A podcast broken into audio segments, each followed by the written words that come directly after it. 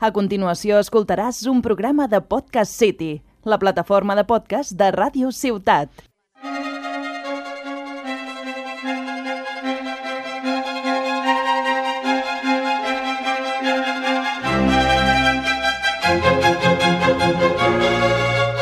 Entrevista a la vista amb Conrad Hortolà.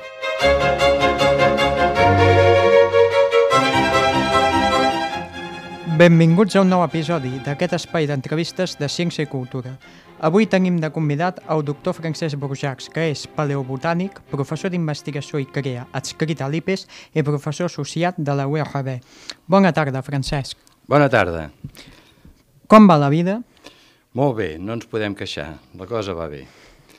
Bé, quina és la música clàssica que has triat per començar el programa i per què l'has triat? Bueno, jo haig de dir que no sóc molt aficionat a la música clàssica, però quan se m'ha dit de triar-ne alguna, eh, bueno, vaig estar dubtant entre vàries, però bueno, sobretot, eh, no sé per què em va venir la memòria Carmina Burana, no? Més que tot perquè m'agraden les, les, la música clàssica, però apoteòsica, no? grandiloquent, vull dir, que, que se noti, no? no?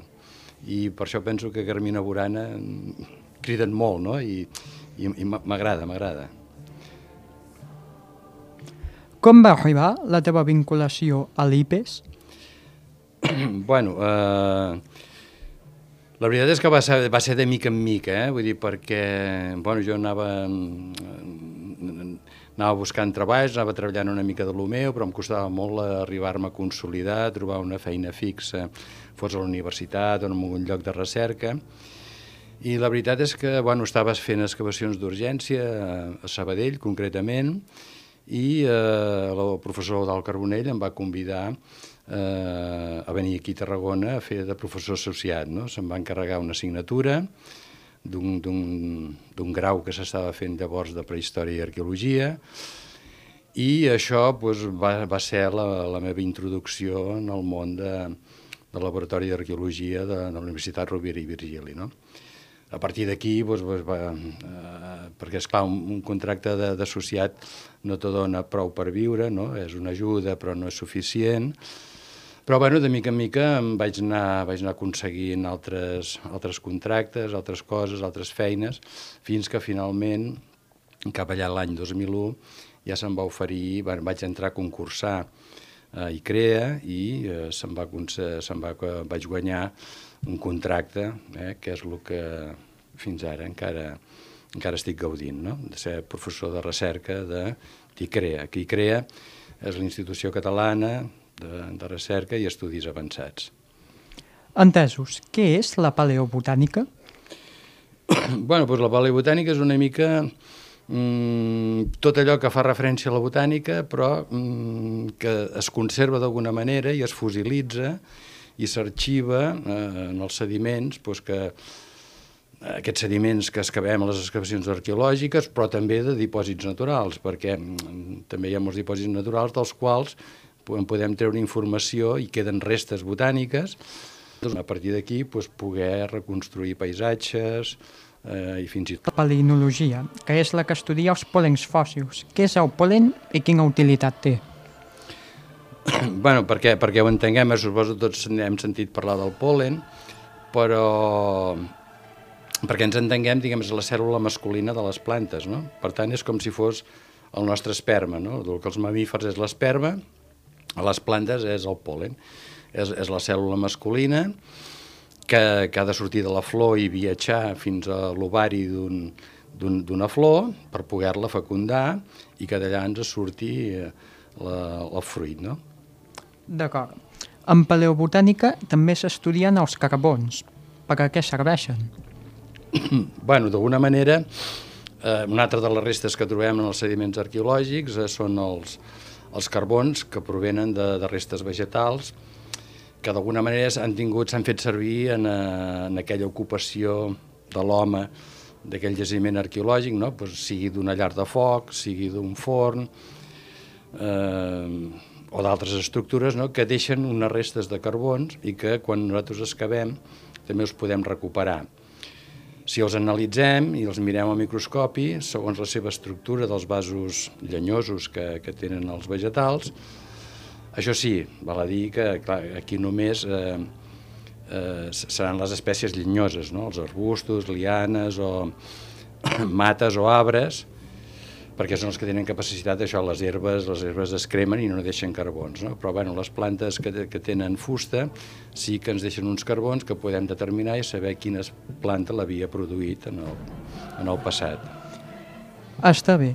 Quins estudis fas a l'abrió romaní dels neandertals de Capellades?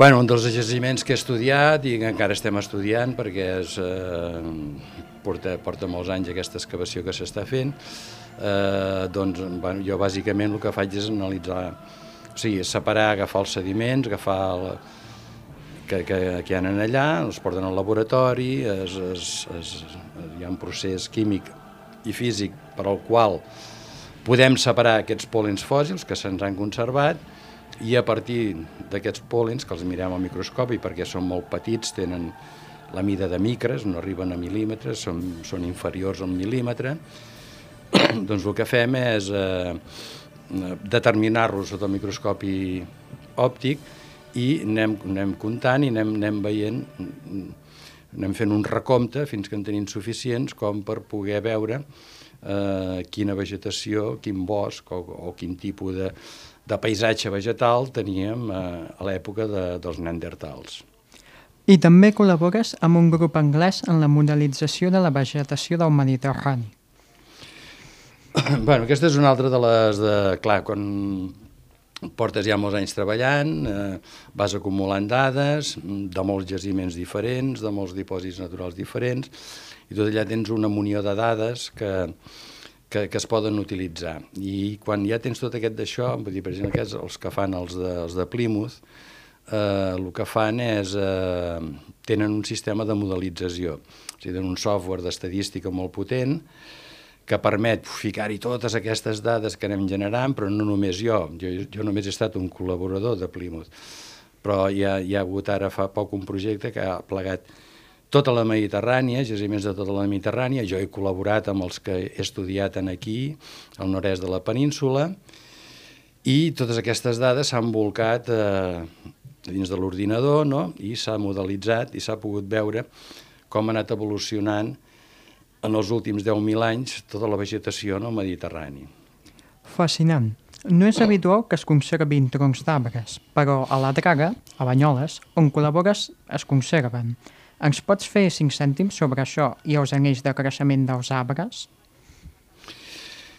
Sí, eh, de, tal com dius, és molt difícil que la fusta eh, es conservi. La fusta se'ns conserva a través dels carbons, però, però, però no en forma de tronc, no? esmiculat. Amb...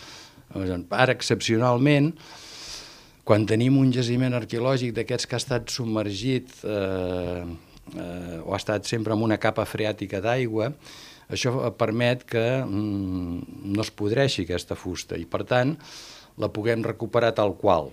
Sigui, però tal qual vol dir de manera que pràcticament quan recuperes un tronc d'aquests, el podríem serrar, doncs agafar una serra i serrar-lo, no?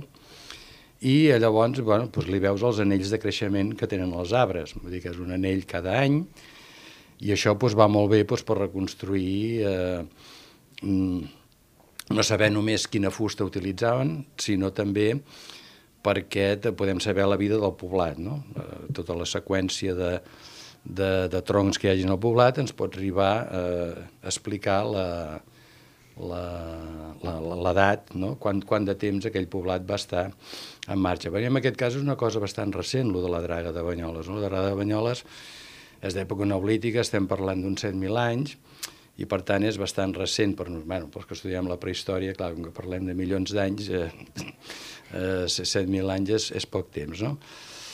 Però sí que també hi ha un altre jaciment a Catalunya, que és quan es van fer les, les obres a la mútua de Terrassa, a l'hospital, es van fer unes obres per fer uns aparcaments, i això allà també va aparèixer un jaciment, però aquest jaciment té un milió d'anys.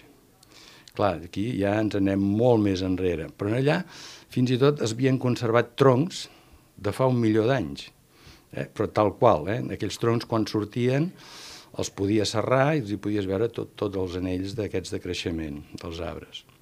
Molt didàctic. Ara treballes a la vall d'en Bas, a la Garrotxa, oi? Sí, ara una de les últimes feines que estem fent, eh, estem centrats a dalt a la Garrotxa, a la plana de les Preses, a la Vall d'en Bas, i, bueno, eh, ja tenim alguna cosa feta, i, però encara, encara ens, queda, ens, queda, ens queda feina i és una cosa que en el futur continuarem treballant. És una zona molt interessant perquè estem parlant de d'una zona on hi ha volcans. Estem parlant de, de la zona de la Roja, de l'Ot, hi ha volcans. I per tant, en allà, en aquests sediments que hem extret del subsol, no només hi ha els sediments de, del riu o del llac que passava per allà o dels llacs que es formaven de tant en tant, sinó que a més a més també tenim, eh, tenim cendres de les erupcions volcàniques. Per tant, això també és una informació de més a més, no només tenim la informació de, de la vegetació i del clima que hi havia hagut, sinó també perdó, podíem detectar eh, quan van ser les erupcions volcàniques, de quin tipus, etc etc. O sigui que d'alguna manera també ens servirà el paper de, de, del volcanisme en aquesta zona, eh, i com que això també està relacionat amb jaciments arqueològics de la vall, d'alguna manera també podrem veure si aquestes erupcions van afectar o no la vida de l'home en aquella època que hi havia aquestes erupcions volcàniques. I també fas estudis sobre el nivell del mar relacionats amb el canvi climàtic. Sí, aquest és un altre dels aspectes que hem, que hem, que hem, que hem treballat, en aquest cas ha sigut el Llevant, a la zona de Pego-Oliva, no? entre València, les províncies de València i d'Alacant, i en allà hem pogut reconstruir a través de tota una sèrie de sondatges, bueno, això no n'hem parlat, però eh, quan, quan, quan treballes en un jaciment arqueològic, tens l'excavació i queden uns perfils i tens allà els sediments directament, però quan treballes en una zona natural llavors necessites fer un sondatge geotècnic, no? és el mateix que quan has de fer una casa eh, t'obliguen a fer un sondatge per poder saber quins materials hi ha a sota. Doncs nosaltres utilitzem aquesta mateixa maquinària, per, per foradar el subsol i treure'n sediments i poder-los estudiar. A través d'això, fins al sondatge, ara recentment hem pogut reconstruir com ha avançat o ha reculat al llarg dels últims eh, 8.000 anys. I llavors el que hem vist és que hi va haver una època cap, a, cap als 6.500 que el mar estava molt més alt que no pas actualment.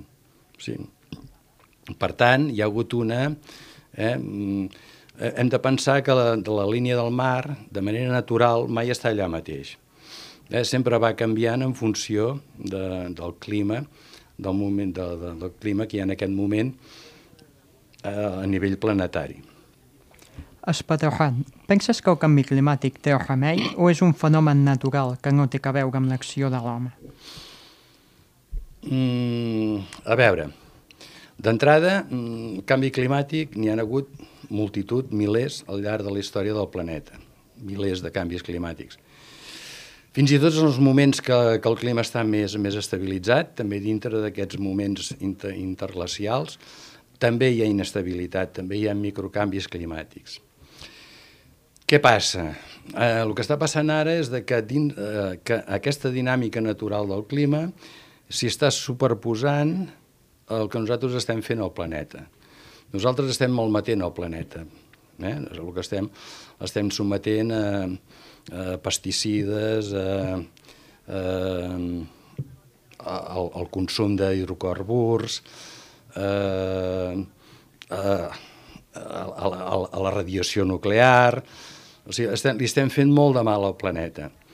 Llavors, una part d'aquests mals que li estem fent és el que d'alguna manera podria provocar en un futur eh, un, un escalfament global.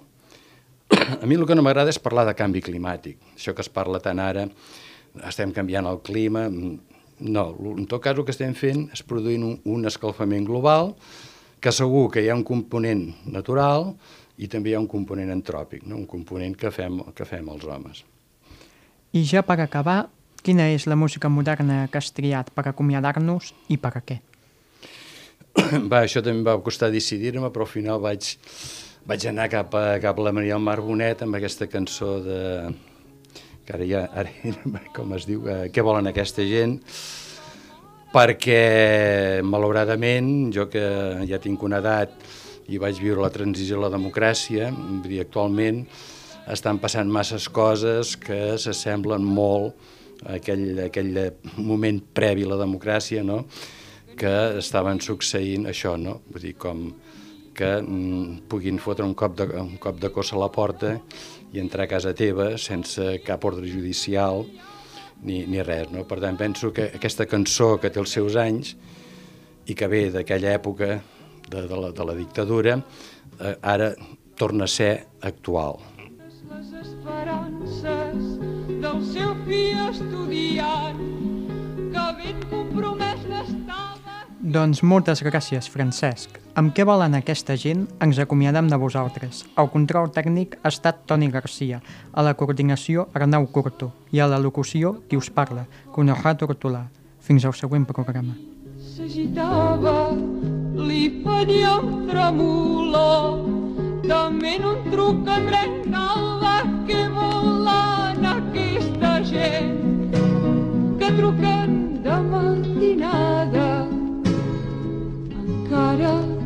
no ben despert. Has escoltat un programa de Podcast City, la plataforma de podcast de Ràdio Ciutat.